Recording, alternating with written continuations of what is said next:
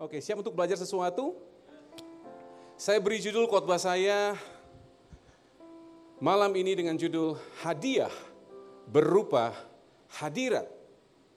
Hadiah berupa hadirat.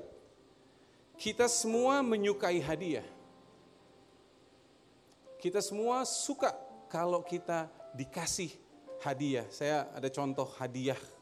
Kita suka kalau misalnya tiba-tiba ada yang datang, hey, this is for you. Out of the blue, nggak ada alasan apa-apa, nggak ada, nggak ada for for no reason tiba-tiba ini buat kamu. Nggak saya pura-pura. Pasti kamu sempet gitu kan ya? Karena apa? Karena kita semua suka hadiah. Hadiah adalah satu bentuk perhatian atau perasaan dari seseorang kepada yang dari yang memberi kepada yang menerima. Dengan dengan pemberian kita bisa tahu perhatian orang itu kepada si penerima. Dan biasanya yang paling sering memberi hadiah, yang paling sering itu adalah seorang pria pada saat melakukan pendekatan kepada calon pacarnya. Benar nggak? Nggak ya? Oh, Yang saya tahu begitu, pada saat lagi pendekatan, si cowok cukup sering kasih hadiah ke ceweknya. Dan biasanya dengan mendapatkan hadiah, si, si cewek itu berbunga-bunga. Dia senang dia mempunyai perhatian khusus kepada pem, pe, pe, pemberi hadiah itu. Sayangnya, setelah menikah, hal itu jarang terulang. Termasuk saya.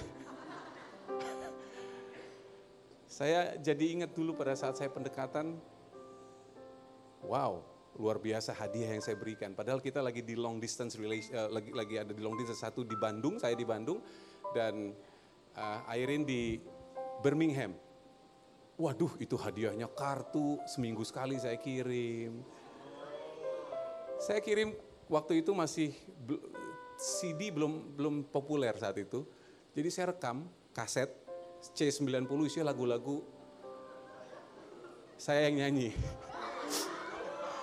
Pakai piano. Ada saksinya di sini.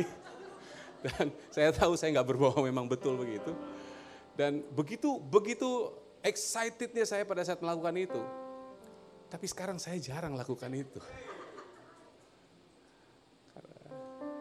Well, that's another story ya. Nanti kita bahas kenapa saya bisa begitu. Karena memang kita suka hadiah. Dan kita juga senang menerima hadiah.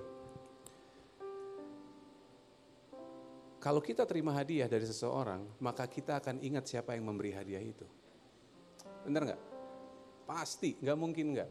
Kalau sampai kita nggak ingat siapa yang ngasih sesuatu sama kita, kebangetan. Kebangetan, apalagi kalau hadiahnya nilainya cukup tinggi. Nah, Natal ini identik dengan hadiah. Kita sering memberikan kado Natal, kita sering menerima kado Natal, kita sering mendapatkan hadiah-hadiah pada saat Natal. Betul nggak? Siapa yang sampai sekarang, sampai detik ini untuk Natal 2019 belum terima apa-apa?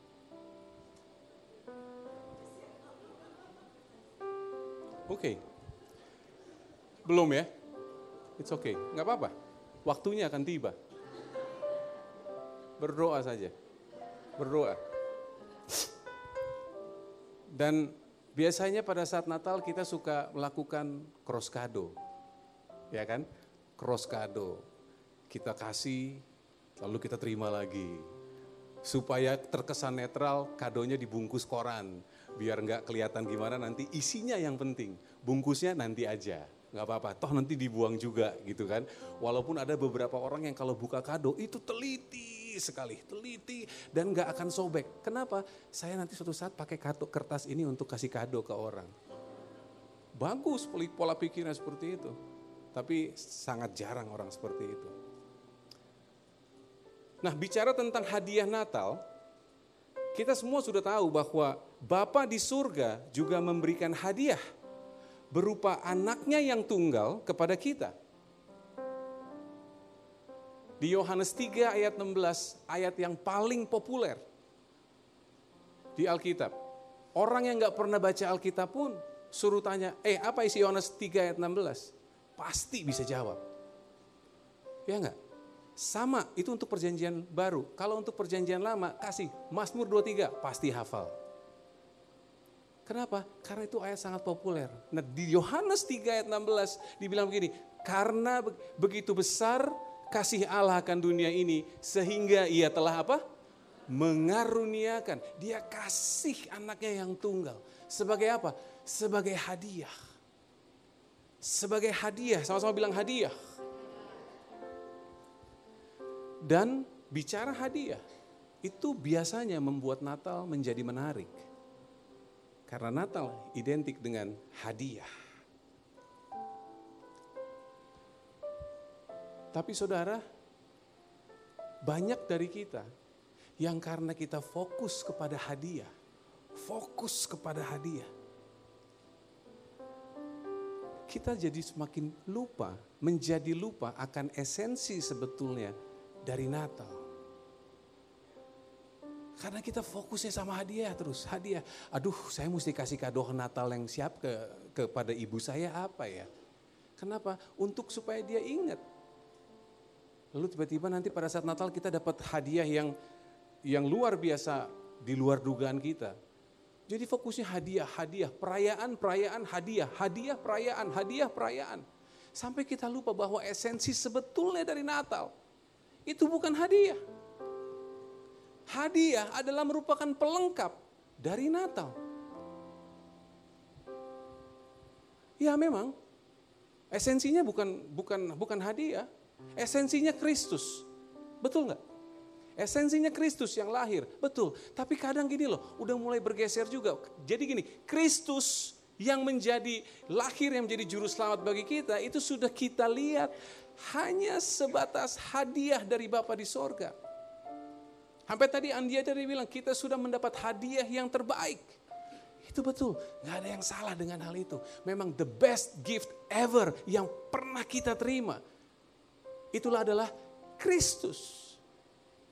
Itu sebabnya saya saya masih kadang-kadang suka bingung kalau misalnya ada orang yang bilang begini, Tuhan berikan aku yang terbaik. Hei, Tuhan bilang begini, Kristus apa kabar?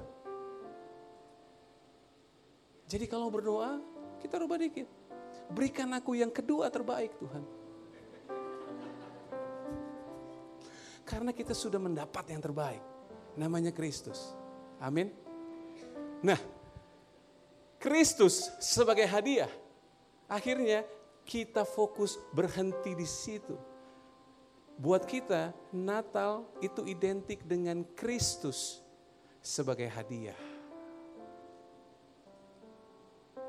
kita terima keselamatan, kita terima juru selamat. Yesus Kristus menjadi juru selamat. Tapi apa? Sebagai hadiah. Padahal esensi dari Natal adalah Bapa memberikan hadiah berupa hadirat. Saya ambil ini hanya sebagai ilustrasi, jadi supaya teman-teman, supaya saudara bisa bisa mendapatkan gambaran bahwa ada hadiah, ada hadirat. So, kalau saya tunjukin ini, saudara dapat gambaran tentang apa? Tentang hadiah. Dan ketika saya tunjukkan ini, saudara dapat gambaran tentang apa? Hadirat. Esensi dari Natal adalah Bapa memberikan hadiah berupa hadirat Kristus. Nah sering kali kita hanya menerima Kristus sebagai hadiah. Tapi kita jarang menerimanya sebagai hadirat. Padahal hadirat jauh lebih penting dari hadiah. Hadiah adalah merupakan inisiasi yang kemudian masuk dalam bentuk hadirat.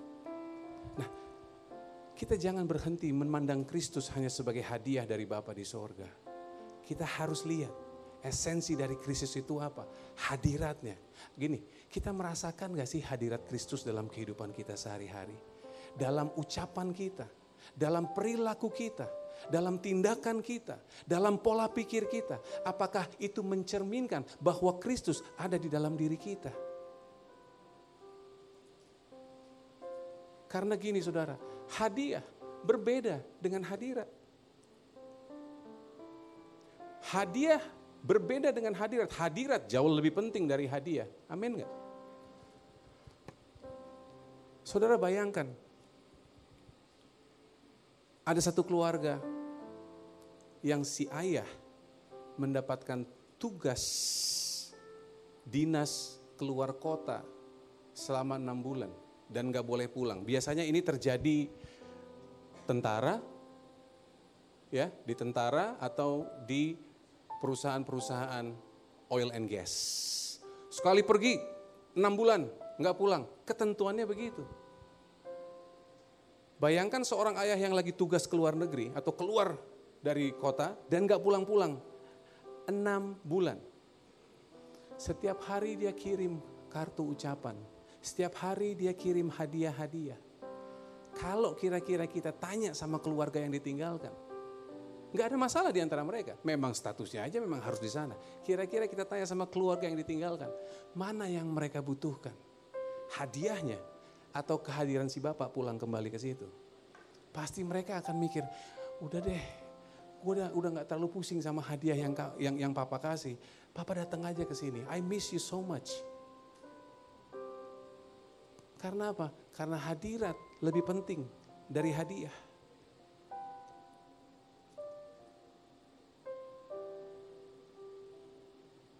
Tapi ada beberapa beberapa orang yang melihat bahwa Christmas identik dengan hadiah, that's it. Nggak ada yang salah dengan hal itu, tapi jangan stop di situ. Bahwa hadiah itu entry level, habis itu apa? Hadirat. Karena hadiah itu sebatas untuk apa yang kita mau. Kita pergi ke mall, kita lihat kado Natal ke sini. Oh, saya mau ini. Saya mau baju. Saya mau tas. Saya mau ini, saya mau itu. Kita punya uang, kita tinggal tunjuk. Kita belikan kepada orang-orang yang kita sayangi, kita belikan kepada orang-orang yang kita kasihi. That's good, gak ada yang salah. Tapi itu hadiah. Hadiah adalah untuk yang kita mau. Sedangkan hadirat adalah untuk yang kita perlu. Belum tentu kita mau, tapi pasti kita perlu. Dan hadirat Kristus itu ada karena kita memerlukan hadiratnya. Filipi 4 ayat 19 dibilang seperti ini. Allahku akan memenuhi segala keperluanmu menurut kekayaan dan kemuliaannya dalam apa? Dalam Kristus Yesus. Saudara, kalau di antara kita berdoa, meminta sesuatu sama Tuhan, bagus. Mintalah maka akan diberikan kepadamu. Bukalah, ketuklah maka akan dibukakan. Persoalannya gini, saudara meminta apa yang saudara mau atau saudara meminta apa yang saudara perlu. Kalau saudara meminta apa yang saudara perlu, firman Tuhan bilang begini, Allahku akan memenuhi segala apa? keperluanmu. Apakah dibilang begini, Allahku akan memenuhi segala kemauanmu? No. Jadi pada saat kita meminta sesuatu, make sure yang kita minta adalah keperluan kita. Bukan kemauan kita. Karena kalau kemauan, kemungkinan besar, kemungkinan besar saya bukan Tuhan, saya nggak tahu. Mungkin ditolak. Tapi kalau itu keperluan kita, saya bisa bilang kemungkinan besar dikabulkan. Kapan? Urusan Tuhan. Tapi pasti karena dibilang begini, Allahku akan memenuhi segala keperluanmu menurut kekayaan dan kemuliaannya dalam Kristus Yesus. So itu beda antara hadiah dan hadirat.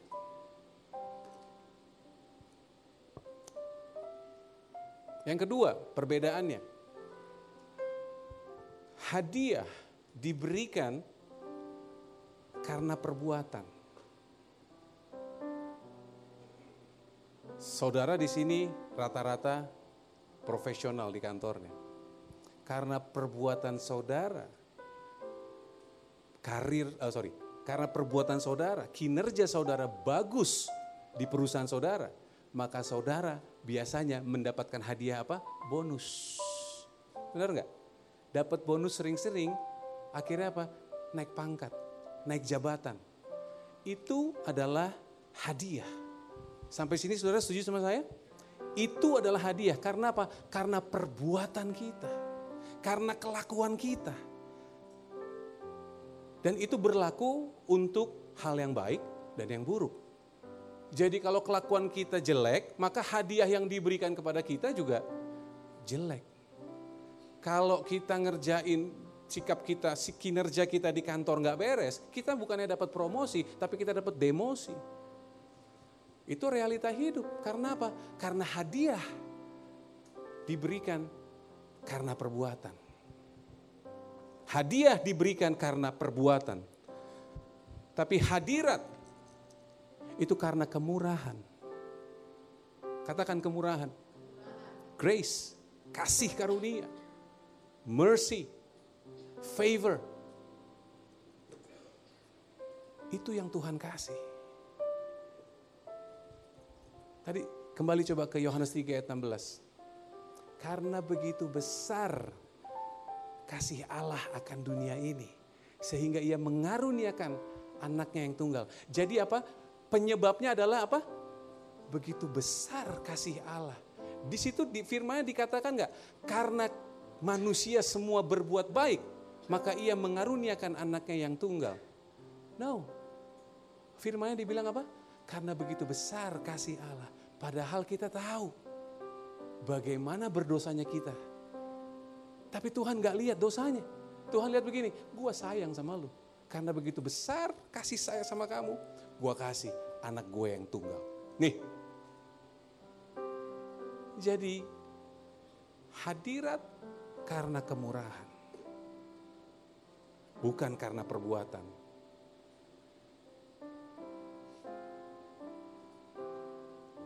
1 Korintus 16 ayat 23 dibilang begini.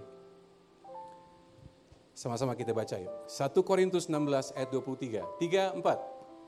Kasih karunia Tuhan Yesus menyertai kamu.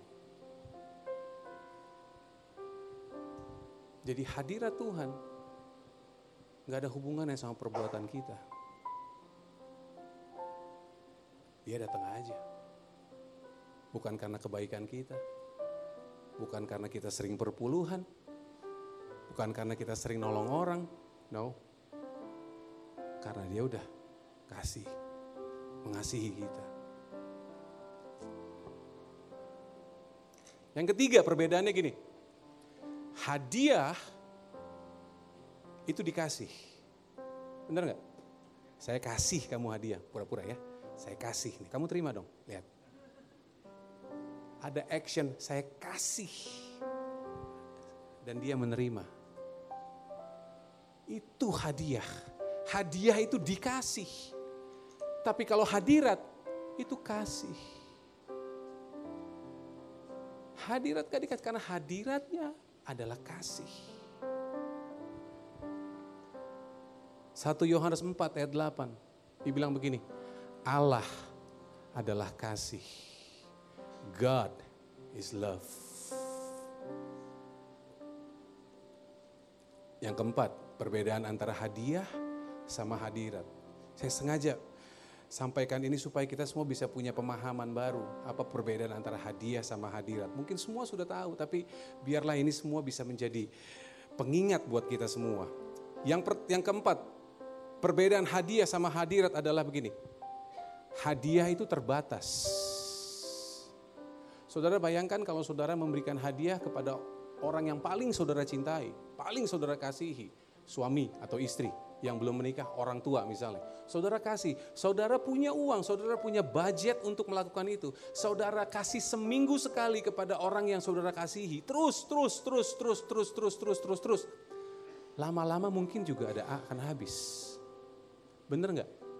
Mungkin, gini, mungkin uangnya nggak akan habis Kita punya uang cukup banyak, sehingga seminggu sekali kita budgetin, kita kasih 250 ribu budget untuk kasih kado ke istri saya. Kasih bunga, kasih seminggu sekali, seminggu sekali, seminggu sekali. Mungkin dari segi keuangan nggak akan habis, nggak terbatas. Tapi dari segi waktu, pasti terbatas. Karena suatu saat kita pasti akan meninggal. Nggak perlu saya menubuatkan, mengeluarkan perkataan-perkataan nubuat untuk mengatakan semua orang yang di ruangan ini akan meninggal. Benar nggak?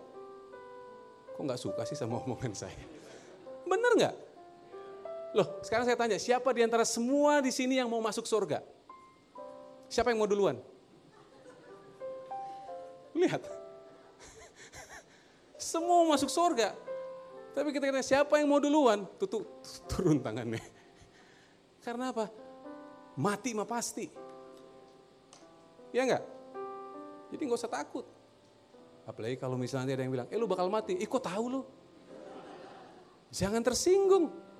Lu bakal mati. Apa? Cabut perkataan sia-sia. Eh, kok cabut perkataan sia-sia? Lu bakal mati kok. Tinggal kapan dan caranya itu nggak usah dibahas. Ya, jadi kalau ada nanti ada yang bilang, eh kamu bakal mati lu, ih bener. Lu juga gitu ini aja udah. Nah di situ mengatakan bahwa hadiah itu terbatas, terbatas waktu dan terbatas tempat. Nah hadirat itu tidak terbatas. Hadirat Tuhan gak pernah terbatas, gak pernah dibatasi waktu dan gak pernah dibatasi ruang. Karena apa? Karena Tuhan itu ada di luar waktu dan ruang. Dia yang menciptakan waktu dan dia yang menciptakan ruang. Jadi gak ada hubungannya antara waktu dan ruang dengan Tuhan. Itulah makanya dia katakan dia adalah Immanuel. Katakan Immanuel. Allah beserta kita. Kapan? Terus menerus. Tuhan itu ada beserta kita. Pertanyaannya gini, kita beserta dia enggak? Dia tuh ada di sekitar kita. Pertanyaannya gini, kita aware enggak sama eksistensinya Tuhan? Karena kalau kita aware sama eksistensi Tuhan, kita nggak akan melakukan hal-hal yang Tuhan nggak suka.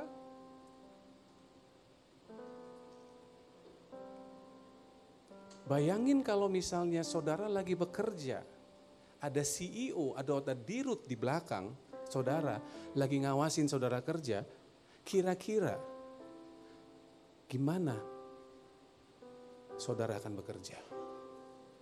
Sambil keringat dingin, sambil nervous, sambil apa? Kenapa? Karena saudara tahu siapa yang ngawasin saudara. Kalau sama CEO, saudara bisa berubah aura bekerjanya, Kenapa? Ketika saudara tahu bahwa Tuhan ada di sekeliling saudara, Tuhan ada di dalam saudara. Saudara nggak kok nggak punya sikap mental yang sama? Oh gampang kan kita nanti diampuni. Iya, kalau udah keburu mati gimana? Itu bukti bahwa hadirat Tuhan itu nggak terbatas. Matius 1 ayat 23. Sesungguhnya anak darah itu akan mengandung dan melahirkan seorang anak laki-laki dan mereka akan menamakan dia apa? Immanuel yang berarti Allah menyertai kita. Dia selalu beserta kita. Kita aja yang kadang-kadang suka nggak sadar. Bener nggak? Dan pada saat kita lagi ada masalah, pada saat kita lagi punya problem yang besar banget, baru kita sadar bahwa Tuhan itu ada di dekat kita. Pada saat kita difonis gak punya apa-apa lagi, pada saat kita difonis sakit-sakit yang susah untuk disembuhkan, di situ kita baru merasa bahwa di sini gue perlu Tuhan. Padahal kita memerlukan Tuhan tuh setiap saat. Setuju nggak dengan perkataan saya? Kita memerlukan Tuhan setiap saat. So, itu yang keempat. Yang kelima, tanpa hadiah, kita suka ngambek. Siapa di sini yang kalau nggak terima ucapan atau nggak terima kado dari pasangannya suka ngambek. Terutama ibu-ibu ya. Karena kalau bapak-bapak nggak terima, ya nggak apa-apa. Masih ada tahun depan. Ya nggak? Biasanya kan begitu ya, bapak-bapak sama ibu, suami istri bedanya begitu. Kalau suami nggak dapat kado dari istri, ya udah nggak apa-apalah, santai. Tapi kalau istri nggak dapat kado dari suami atau gini, nggak dapat ucapan selamat ulang tahun dari istri, eh dari suami, selesai, kelar hidup lo. Kelar men. Makanya sampai ada orang bilang begini kan, happy wife, happy life. Nggak dibilang happy husband, happy life, no. Happy wife, happy life. Lu mau life lu happy, make your wife happy. As simple as that. Susah tapi loh. Serius, saya saksi hidup, susah bikin istri saya itu happy. Padahal sebenarnya gampang, saya aja yang jarang ngelakuin itu. Curcol dikit ya. Kenapa? Karena kita, nature-nya kita, saya nggak bilang nature-nya perempuan ya, nature-nya kita, kalau kita nggak dapat hadiah, suka ngambek. Karena apa? Kayaknya gue pantas deh dapat hadiah, gue kan ulang tahun. Katanya dia ngedeketin gue, tapi kok dia nggak ngasih hadiah sama gue? Terus marah, terus kirim WA. Sekarang tanggal berapa? Tanggal sekian. Oh, tahu nggak hari apa? Hari Rabu. Oke, okay, bye. Balasnya begitu. Itu yang yang respon kita kalau kita nggak dapat hadiah. Tapi gini, tan, itu tadi kalau tanpa hadiah ya, tanpa hadiah. Sekarang gini, kalau tanpa hadirat, sering kali kita santai biasa aja udah nggak apa-apa. Itu yang bagus, yang positif. Ada yang negatif. Ketika dia tidak merasakan ada hadirat Tuhan, dia blame pemain musiknya. Dia blame, dia salahkan WL-nya. Ini WL gimana sih? Kenapa? Gue gak ngerasain hadirat banget deh. Kosong banget, kosong. Lo suka suka ketemu gitu nggak? Yang yang suka pelayanan, yang suka suka nggak? Ya suka kan ya? Atau kalian yang begitu? Gimana tadi present worship? Biasa aja, kenapa? Nggak ngangkat timnya. Gua nggak suka. Beda sama yang dua minggu yang lalu. Gila baru masuk ruangan gue langsung nangis men. Padahal dua minggu yang lalu dia baru diputusin sama pacarnya makanya nangis. Begitu pas yang di sini seminggu lalu baru jadian jadi kayak happy ketika musiknya lagi buah gitu, nggak nangis. Terus ah, biasa aja, gua nggak mau datang lagi ya. Terus gini, begitu nanti ada kebaktian ditanya, WL-nya siapa? Si itu, ah nggak ngangkat. Nggak ada hadiratnya. Terus digosipin, lu ya nanti kalau kebaktian di sana, siapa WL-nya? Lu jangan datang. Percuma, lu nyari apa? Nggak bisa. Itu nggak bisa, men, nggak bisa nyalahin. Padahal apa? Padahal dianya yang gak intim sama Tuhan, dianya yang gak aware bahwa hadirat Tuhan itu ada. Kita lebih tersinggung kalau gak ada hadiah dibanding gak ada hadirat.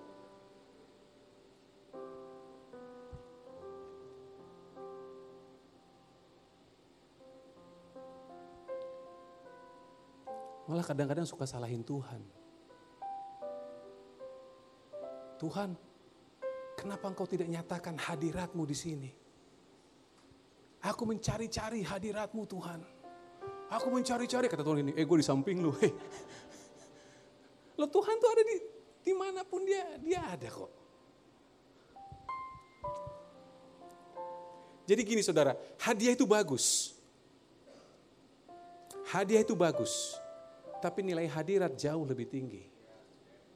Hadiah itu bagus Dapat hadiah seneng, tapi nilai hadirat jauh lebih tinggi. Dan hadiah bukan esensi. Esensinya adalah hadirat Tuhan. Kemarin anak anak kami yang kembar, mereka ada school performance. Mereka uh, bernyanyi satu lagu dan akan lebih bagus kalau misalnya karena mereka salah satu yang terpilih akan lebih bagus kalau misalnya mereka nyanyi dan orang tua tuh diundang orang tua diundang. Nah biasanya itu bersamaan pada saat hari pembagian raport eh, nilai.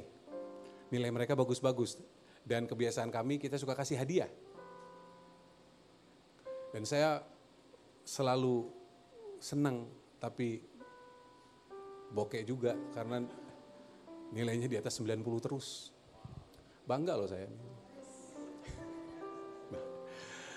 Karena ibunya bukan karena saya. nah, biasanya mereka suka nagih. Biasanya mereka suka nagih. Tapi kali ini mereka nggak nagih. Mereka tidak nagih hadiah. Tapi mereka tanya sama saya. Pada saat school performance nanti, saya datang atau enggak. Dan saya nggak jawab. Saya tahu saya bakal datang. Tapi saya nggak jawab sengaja supaya apa? Supaya pengen tahu reaksi mereka seperti apa. Dan benar, mereka ngadu sama mamanya. Inong, tadi nanya Among, kenapa? Nanya, datang nggak? Terus apa? Among bilang apa? Among nggak jawab. Terus lihat aja enggak? Yes, saya bilang begitu. Oke. Singkat cerita, ya udah. Besok paginya mereka pergi juga. Oke, okay, bye, bye. Biasa-biasa aja saya. Sampai akhirnya pada saat mereka udah di, di lokasi di, di sekolah, saya datang. Terus mamanya bilang, hei lihat tuh ada siapa. Mereka ngelihat saya, begitu mereka ngelihat saya, luar biasa. Saya dikejar, saya, mereka semua teriak sampai orang-orang di sekelilingnya tahu, mereka peluk saya. Mereka senang saya hadir. Kenapa?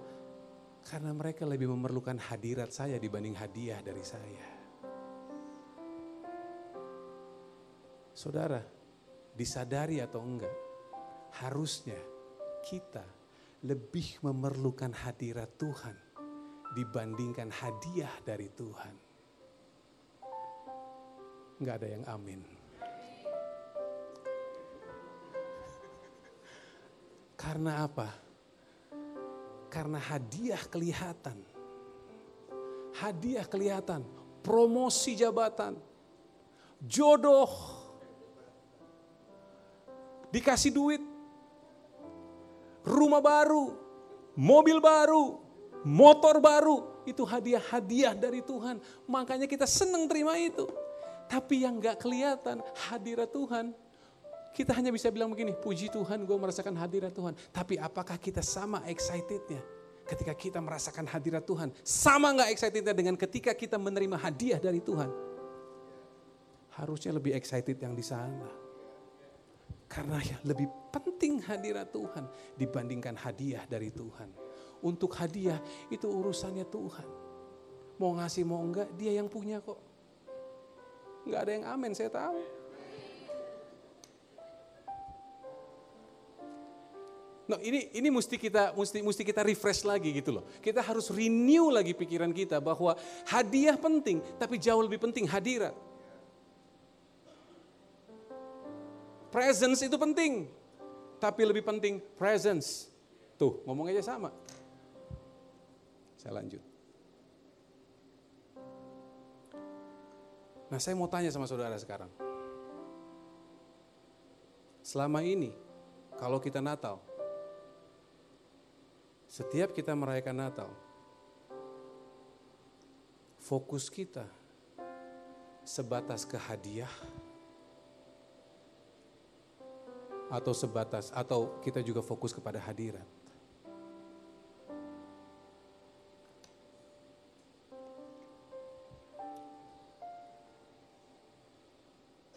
Kita fokus ke kelahirannya, kelahirannya, atau kita fokus ke kehadirannya?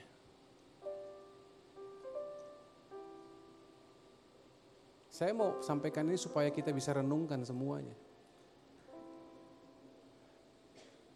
Kita fokus ke kedatangannya atau kita fokus ke keteladanannya? Kalau kita fokus kepada keteladanannya, maka gini, setiap perjalanan Tuhan Yesus akan kita pelajari sungguh-sungguh. Sikap hidup Tuhan Yesus akan kita contoh sungguh-sungguh. Perkataan Tuhan Yesus akan kita tiru sungguh-sungguh. Dan teladannya Tuhan Yesus akan kita lakukan sungguh-sungguh.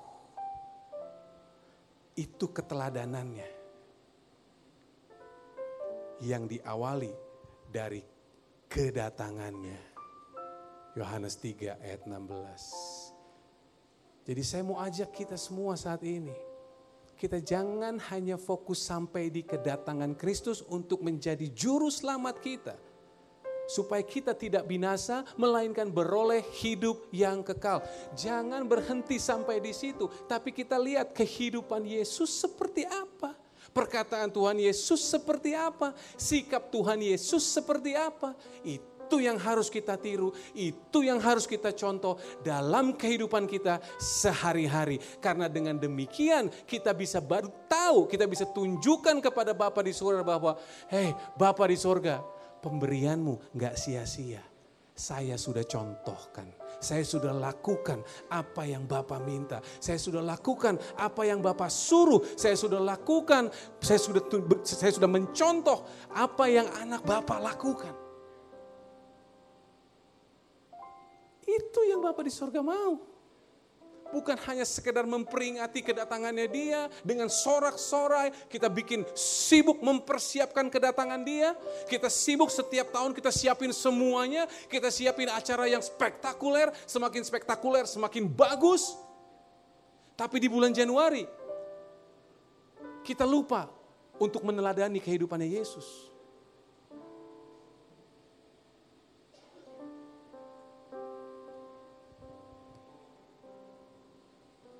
Jangan hanya fokus di hadiah. Switch our focus. Bukan hanya sebatas hadiahnya, tapi juga hadiratnya.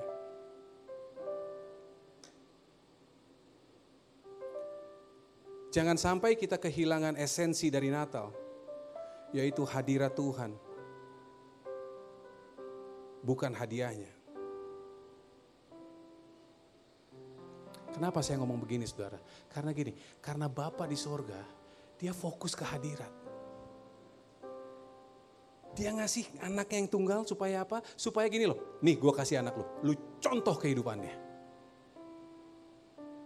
Tapi kita fokusnya ke hadiahnya, ke kedatangannya. Itu sebabnya mungkin, mungkin, saya belum tentu benar, mungkin frekuensi kita sama frekuensi Tuhan berbeda. Karena frekuensi Tuhan frekuensi tentang hadirat. Sedangkan frekuensi kita frekuensi tentang hadiah atau berkat. Gak ada yang salah dengan hal itu.